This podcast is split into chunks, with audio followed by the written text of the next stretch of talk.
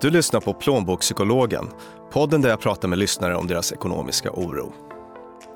Pengar hänger så nära ihop med våra känslor, hur vi mår och våra relationer, men är ändå något av det mest förbjudna att prata om. Jag heter Björn Hedensjö och är legitimerad psykolog med en bakgrund som ekonomijournalist. Idag pratar jag med tvåbarnspappan Jens som har god ekonomi men funderar så mycket på pengar att han har svårt att njuta av nuet. Vi pratar om att öva på att släppa kontrollen, att träna upp sin uppmärksamhetsmuskel och så ger jag tips på hur man kan göra för att bryta ältande. Hej Jens! Hej! Vill du berätta för mig om vad du har för bekymmer? Jag tänker så mycket på pengar. Jag grubblar över pengar. Jag räknar pengar. Jag har ett som ett ständigt räkneverk i huvudet där jag funderar på min ekonomi, på min kommande ekonomi, på ekonomin i mitt förflutna. Jag räknar mycket pengar jag gjort av med, hur mycket jag har kvar att göra av med. Ibland kan det göra mig nedslagen och ledsen, men framförallt tar det tid och energi. Har det alltid varit så här? Ja, det har alltid varit. Så länge jag kan minnas. Så, så länge jag hade hand om pengar själv, tror jag. Eh, sen, jag sen jag var i tioårsåldern eller någon sån tid när man började på riktigt ta hand om egna pengar och ha liksom egna besparingar av, av något slag eh, så har jag tänkt mycket på pengar och räknat pengar. Mm. Uh, och periodiskt varit väldigt ledsen för pengar. Kan du komma på någon situation nyligen när, när det här blev besvärligt mm. för dig? Min dotter uh, skulle häromdagen, hon behövde en jacka. Och så den enda jackan hon kan tänka sig att ha kostar 2500. Uh, och så klickar vi hem den där jackan för 2500. Jag kan plötsligt få en impuls. Så jag borde aldrig skaffat barn. alltså hur kan jag leva ett liv där jag plötsligt måste, måste slänga ut 2500 spänn på en jacka till någon annan. Varför skaffar jag barn överhuvudtaget? Är det här, ska det vara så här att vara förälder, att hela tiden, hela tiden ha den här typen av extra utgifter som känns helt meningslösa? Hon fick en jacka förra året, varför kan hon, varför kan hon inte ha den? Um, men och att, en sak är väl att tycka att okay, 2500 är onödigt mycket pengar för en jacka. Men att det dessutom får den här impulsen att varför skaffar jag barn överhuvudtaget? Mm den, den, den kan jag fundera på. Och, och när det, det, poppar upp en sån tanke, och eh, hur känns det då när den, när den kommer? Ledsamt, är det ju. Ledsamt att jag inte bara kan bejaka, att jag inte kan tycka att det är kul, men jag skulle kunna tycka, tycka tvärtom att det var roligt att jag får, får lov att köpa en jacka till det här fantastiska barnet. men istället för att känna liksom ett, som liksom att, att det svider till. Uh, och att jag känner plötsligt kan tänka, undra hur mitt liv hade varit utan barn. Gud hur mycket pengar jag skulle haft över om jag inte hade haft de här barnen. Och det är en absurd tanke, jag älskar mina barn. Men uh, jag kan tycka att det är, ja, just att det är någonting absurt och lite bisarrt i att det låter pengar spela så stor roll. Jag skulle kunna förstå det ifall jag hade väldigt ont om pengar, ifall jag var tvungen att vända och vrida på varenda hundralapp. Men nu har jag det inte så. Så varför kan jag inte bara liksom gilla läget? Varför kan jag inte bara acceptera att jag har ett liv som kostar pengar och att det är så? Um, och att det är också ett ganska bra liv. Mm. Hur är det om, om, du vill unna dig själv någonting, en, en bättre mm. middag, hur brukar du tänka kring det? Jag lever inte ett snålt liv alls på något sätt, men däremot kan jag fundera på var, när jag äter den här maten så tänker jag på hur mycket den kostar. När jag dricker det här vinet så tänker jag på hur mycket det kostar. Jag kan inte bara liksom betala eller beställa, beställa in och må bra och njuta. Utan i njutningen så finns det ständigt den här lilla tanken på vad allting kostar. Mm. Uh, och jag vet exakt vad allting kostar. Jag kan säga exakt hur mycket det jag åt till lunch kostade. Eller det jag åt till middag igår kostade. Uh, jag blir, uh, jag blir arg när min fru köper hem för dyr mat. Mm. När, hon handlar på, när hon handlar på nätet och det kostar för mycket så kan jag liksom vara arg i flera dagar på att hon, handlar, att hon, har, att hon har lagt ut för mycket pengar eh, på den här maten. Um, så jag kan tycka att, jag, att det, tanken finns tanken finns alltid, utom när jag gör någonting som är gratis förstås. Och det, alltså när, man, när jag går, med, går jag på något sammanhang där det är gratis, gratis mat och vin och så, då kan jag, liksom, då kan jag njuta av det. Men så fort jag måste betala för det själv så tycker jag att det är jobbigt på något sätt. Och de här tankarna på pengar då, är det så att de ställer sig det låter, det låter som att de ställer sig i vägen mellan, mellan dig och sånt som du annars skulle njuta av. Ja, så är det. Uh, det blir som att det finns alltid en liten bitterhet i livet. Um, en känsla av att inte blev som jag ville, att jag inte fick den frihet jag hade, jag hade önskat mig. Uh, för att det kostar. Um, och uh, jag kan också känna så att varför, varför gör jag inte det här med pengar? Varför sparar jag inte pengar? Varför sparar jag inte mer pengar? Varför sparar jag inte mer till min pension? Varför sparar jag inte mer till uh, mina barn när de är stora? Varför sparar jag inte till ett bättre boende? Varför kan jag inte, vara, varför kan jag inte hålla i pengarna mer? Samtidigt så vill man ju leva här och nu också. Jag vill ju ha, jag vill ha ett bra liv här och nu.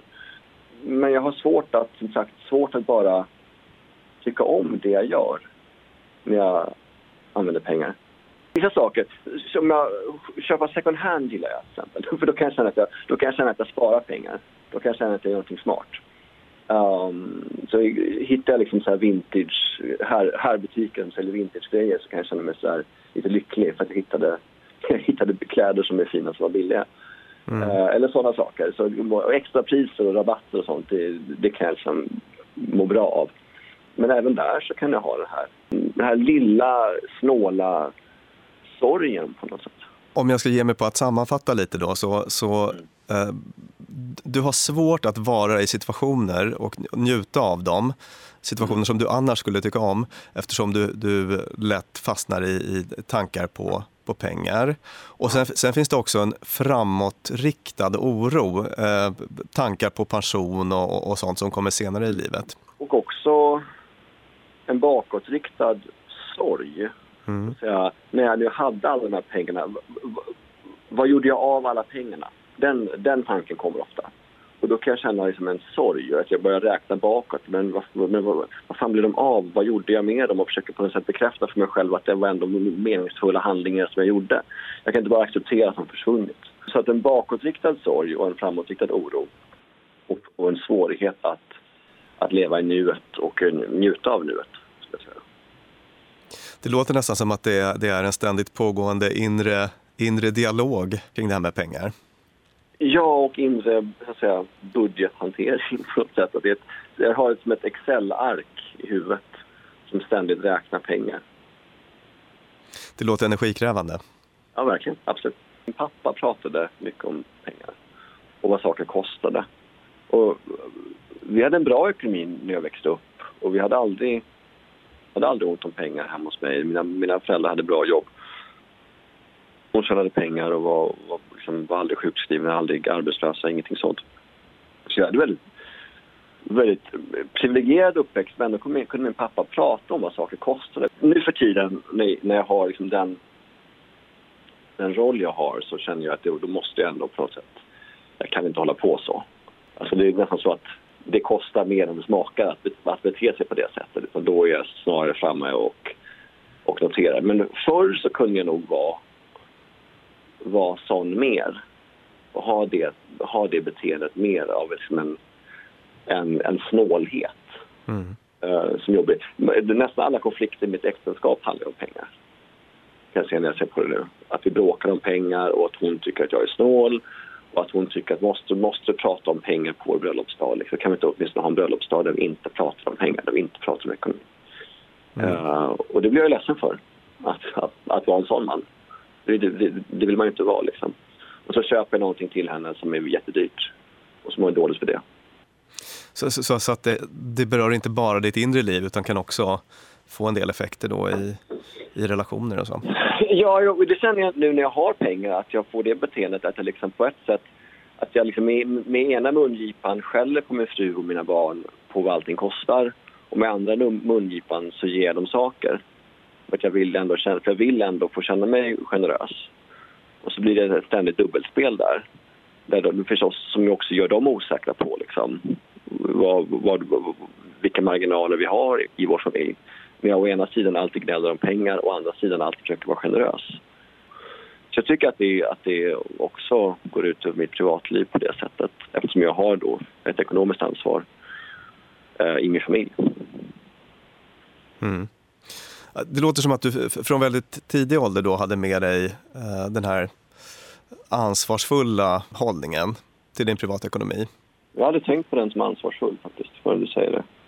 Men det kanske är det ansvarsfullt, eller jag känner att det är viktigt att hålla reda på pengar.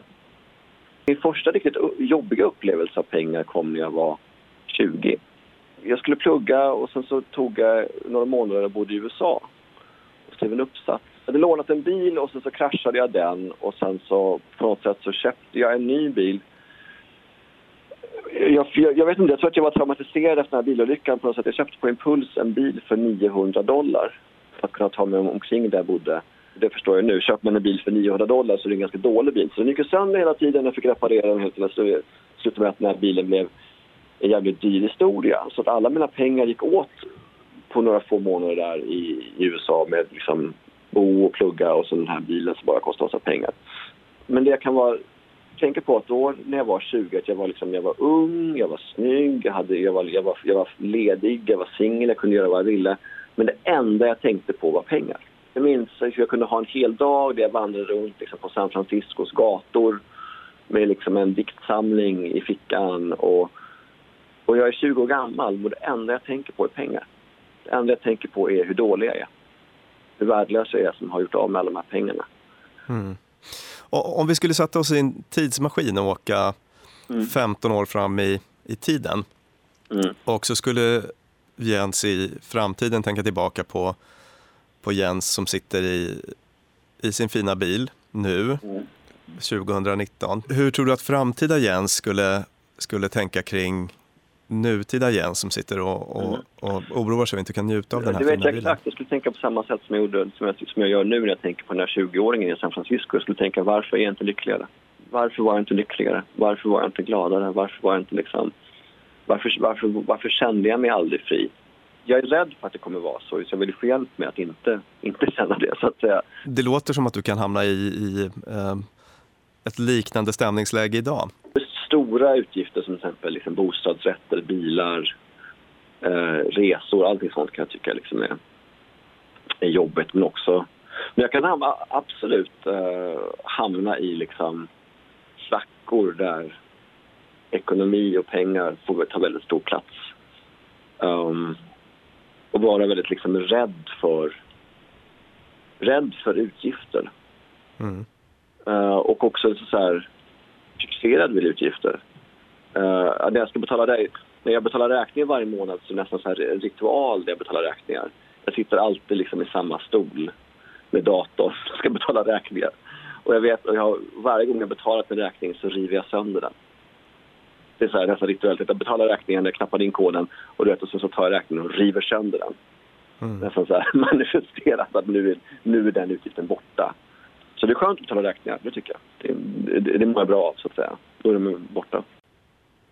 Du nämnde att ni, ni, det blev ett samtal om pengar på, på bröllopsdagen. Skulle du kunna säga något mer om det? Nej, men det var så här, det var ju egentligen liksom en en romantisk situation. Att vi firar bröllopsdag, vår bröllopsdag i, i, i, i juni. Så vi satt en sommar, sommarkväll på uteservering på Strandvägen. Och det, det sista, sista solnedgångsljuset faller över oss där vi sitter utanför Hotell Diplomat, så är det um, Och så börjar vi prata och så börjar liksom berätta våra tankar om vår relation och tankarna om livet och framtiden. Och jag säger då liksom utan att tänka efter så känner jag ja men jag skulle vilja att vi hade en bättre... Jag skulle vilja att vi hade råd med mer. Jag skulle vilja att vi kunde spara mer. Jag skulle vilja att vi kunde liksom ha en bättre ekonomi. Och då säger hon att kan vi inte sluta prata om pengar? Måste vi prata om ekonomi ikväll också? Mm. Och det var en tankeställare när vi satt där. Varför, varför måste jag det? Varför är det det som alltid kommer på tal när jag ska försöka berätta om berätta om vad jag skulle vilja göra med vårt liv. Det är sorgligt. Och det är alltid du som initierar eh, samtalet om pengar, eller? Ja, absolut. Jag kan bli frustrerad över att hon har så dålig koll på pengar.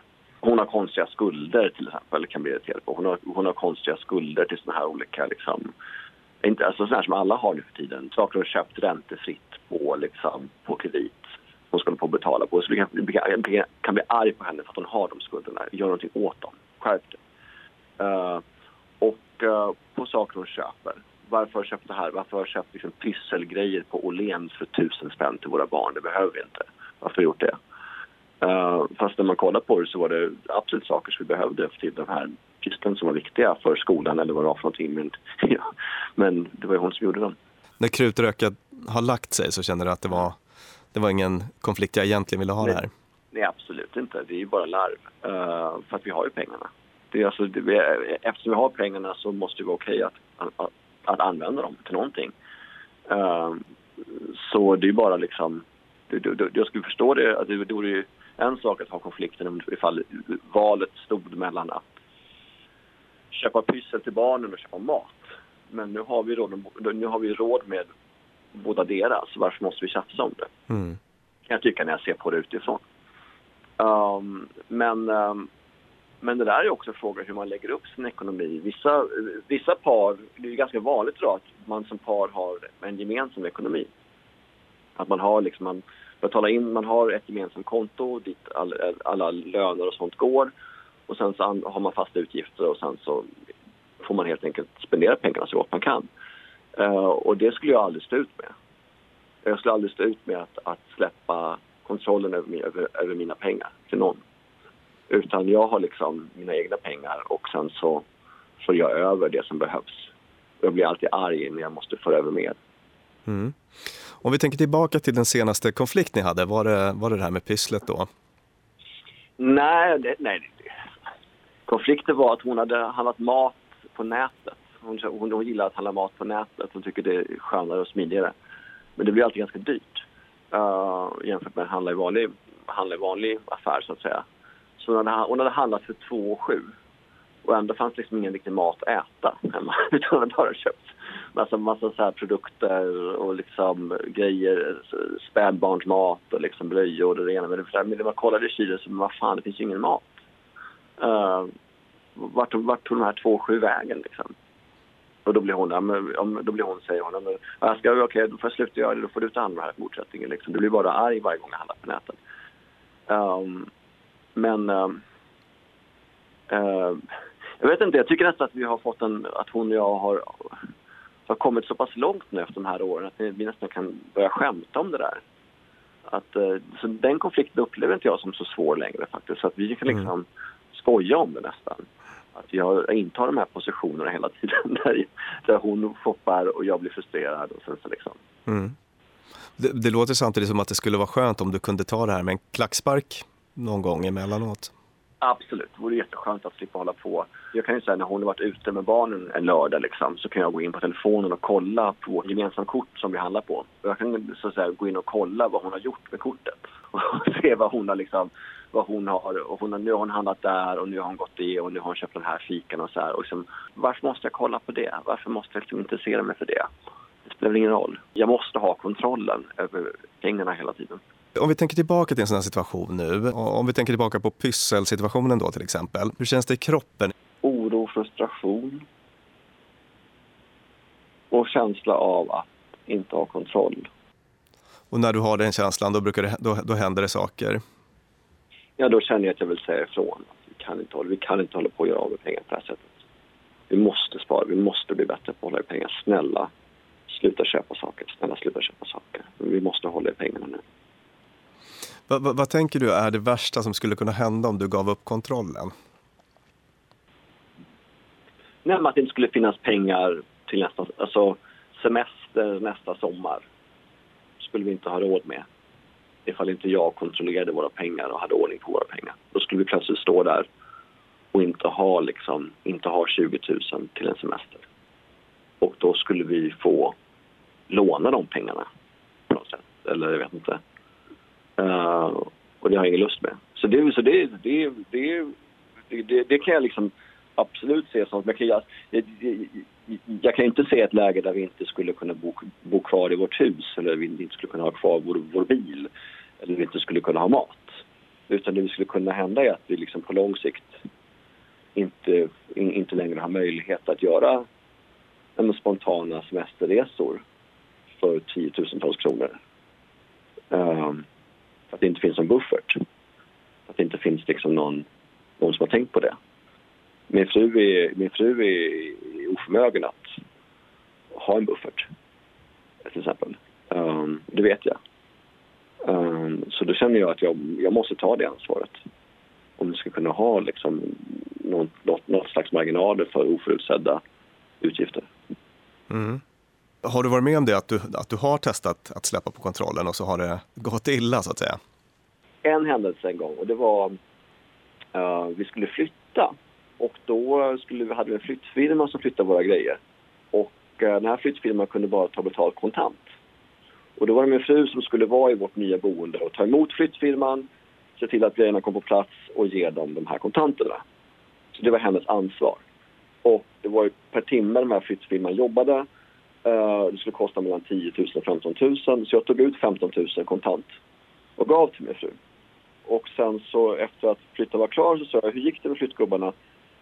Eh, och hon sa, jo det kostade 11 200. Eh, jag gav dem allting. Och då sa jag, men, men du, du, fick ju 15 000 kontant och det kostade 11 200. Ja, jag gav dem allting. För jag var så stressad. Jag räknade på det och jag, det var bara 11 200. Så jag, de fick allting. Och jag sa, men, men, men, men, du är inte klok. Alltså, du fick 15 000 och, och, plötsligt, det kostade 11 200 och du gav dem allting. Ja, jag blev så stressad.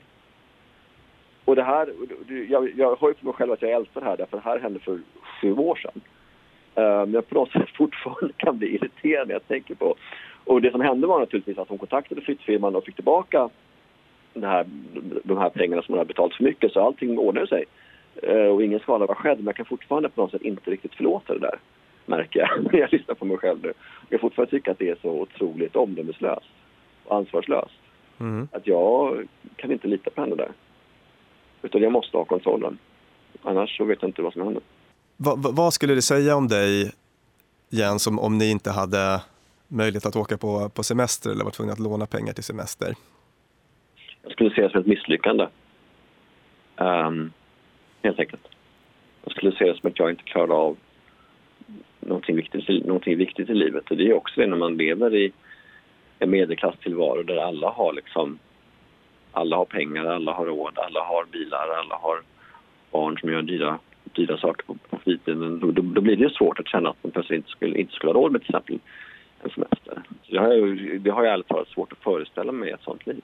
Och det är kanske en del av problemet att man, man har, liksom boxat in sig i en sån tvångströja där det måste som, som förutsätter liksom vissa utgifter som egentligen är inte alls rimliga att man ska kunna ha råd med. Mm. Och om du var den här misslyckade personen som du beskriver, vilka är det du tänker skulle döma dig då? Jag skulle säga att det är jag själv som dömer. Jag tror inte att liksom mina föräldrar eller absolut inte dem och inte min fru. Det är möjligtvis mina barn. Att mina barn skulle liksom, varför, har vi inte, varför kan vi inte åka till Grekland nu då? Jag, jag har märkt det också hos, hos min äldsta dotter. Att hon pratar mer och mer i termer av pengar och, mer, och rädsla för pengar. Jag har börjat märka hos henne, hon är 13. Hon kan prata om sånt här som att liksom, hon är rädd för att vi inte ska ha råd. Hon är rädd för att vi inte ska kunna göra saker. Och hur känns det när du hör henne säga sådana saker? Jätte, jättejobbigt. Jättejobbigt. Och jag försöker säga till henne att det är lugnt och du behöver inte ta ansvar. Jag lovar att vi har koll på det. Jag förstår inte var det kommer ifrån. Men jag är rädd för att det är mitt fel. att jag, jag, att, jag har, att jag har fått vidare det här på något sätt. Hon kan, hon kan ställa, ställa frågan rakt ut. Har vi dålig ekonomi? Ordagrant så har min 13-åring frågat oss. Och det har vi inte. Jag säger, nej, det har vi inte. Så det, nej, jag bara undrar, har vi dålig ekonomi? Och jag vet, jag vet inte varifrån det kommer. Så där skulle jag också vilja vara, vara en bättre förälder som är liksom bekymmerslös när det gäller sådana här saker och visar liksom att visar att det är lugnt, att det, det, det spelar ingen roll. Liksom. Men det kanske, skulle, kanske, det kanske man skulle visa bättre. Det, det, det, ett sätt att visa det kanske skulle vara faktiskt att någon gång inte åka på den här semestern och säga att vi behöver inte åka på semester. Vi kan väl stanna hemma i sommar, det är jättemysigt. Uh, vi behöver inte göra någonting. Vi kan bara vara lediga. Och att visa det, kanske det är ett bättre sätt att, att bearbeta den typen av oro än att liksom hela tiden jaga, jaga, istället för att jaga de här semesterpengarna så kanske, kanske man skulle våga släppa dem. Bara för att därigenom också släppa den här ångesten. att vara glad att jag har 2500 kronor som jag kan ge min dotter den här jackan. Eller hur? Så kan man också tänka, att, liksom att vi försöker vända på det och känna liksom glädje och tacksamhet över att jag faktiskt kan vara en pappa som har 2500 löst. Det är ju jättemånga som inte har det. Mm. Uh, och att vara, liksom, att vara liksom, känna sig oerhört privilegierad som kan ha de marginalerna istället för att liksom vara sur, bitter. Det, det, det, det, det, är ju värdelöst att känna så. Det låter som en värdefull insikt. Mm. Mm. Mm. Jag tänkte innan vi, innan vi avrundar idag så skulle jag vilja mm. skicka med några, några tankar till dig. Oj. Oro eh, inför framtiden, den kan, ju vara, den kan ju vara funktionell när den faktiskt är baserad på aktuella problem. Till exempel, hur ska vi ha råd med, med semester i sommar? Ja. Men den här typen av kontrollbeteende när man alltid när man kollar i, i bankappen eller detaljstuderar restaurangnotan helt i onödan så säga, så, så um, kan det bli väldigt begränsande. Det man får göra då är faktiskt att öva på att släppa kontrollen. Små övningar eller större. Det kan handla om att välja någonting på måfå på en meny eller låta någon annan välja så att man inte har, har full kontroll. Och då blir det en slags upplevelsebaserad inlärning att, att som oftast då landar i att det blev inte så farligt som jag trodde. Nej.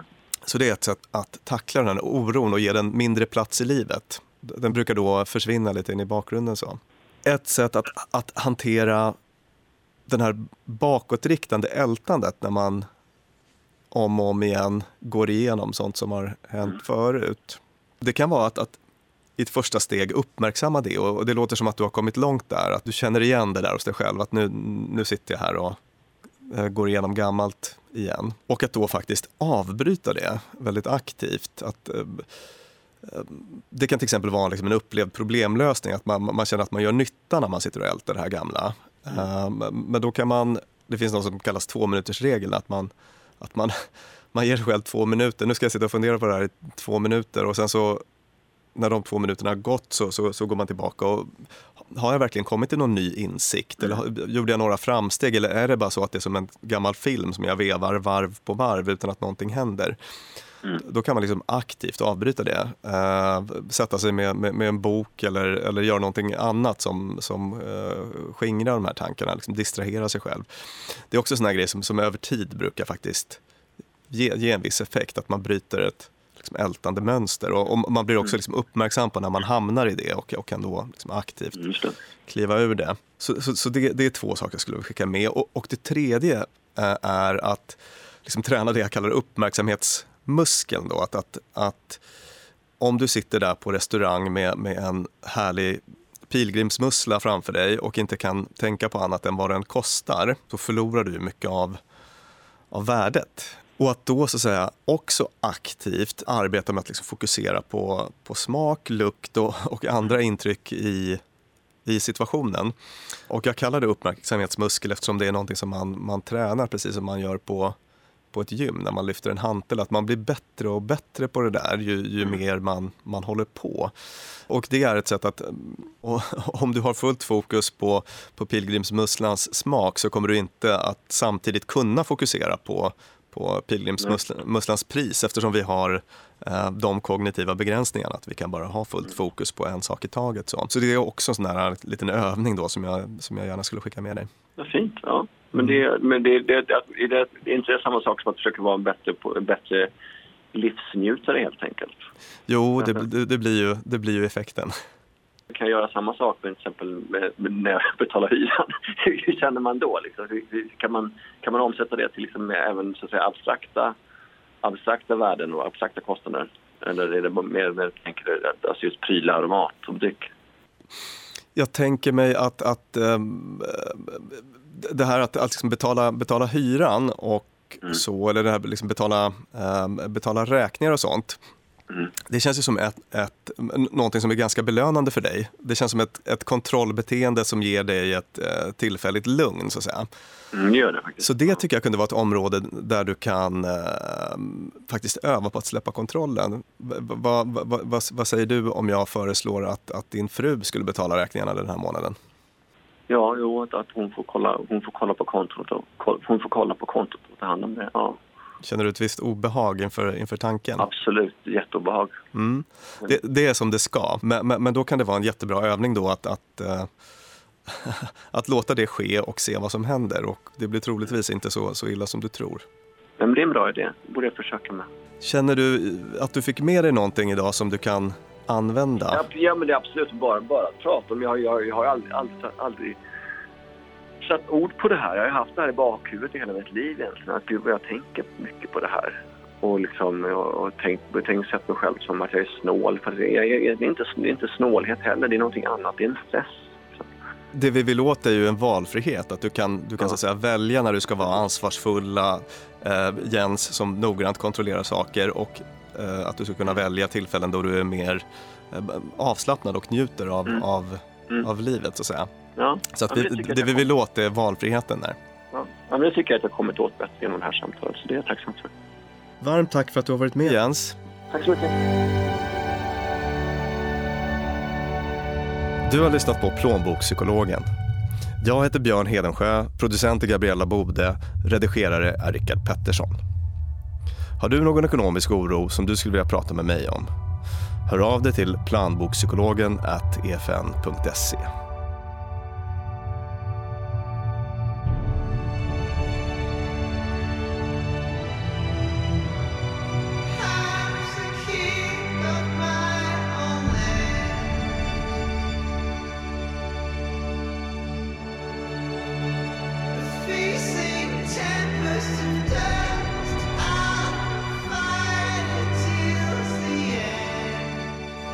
podden görs av EFN Ekonomikanalen. Ansvarig utgivare är Anna Fagerström.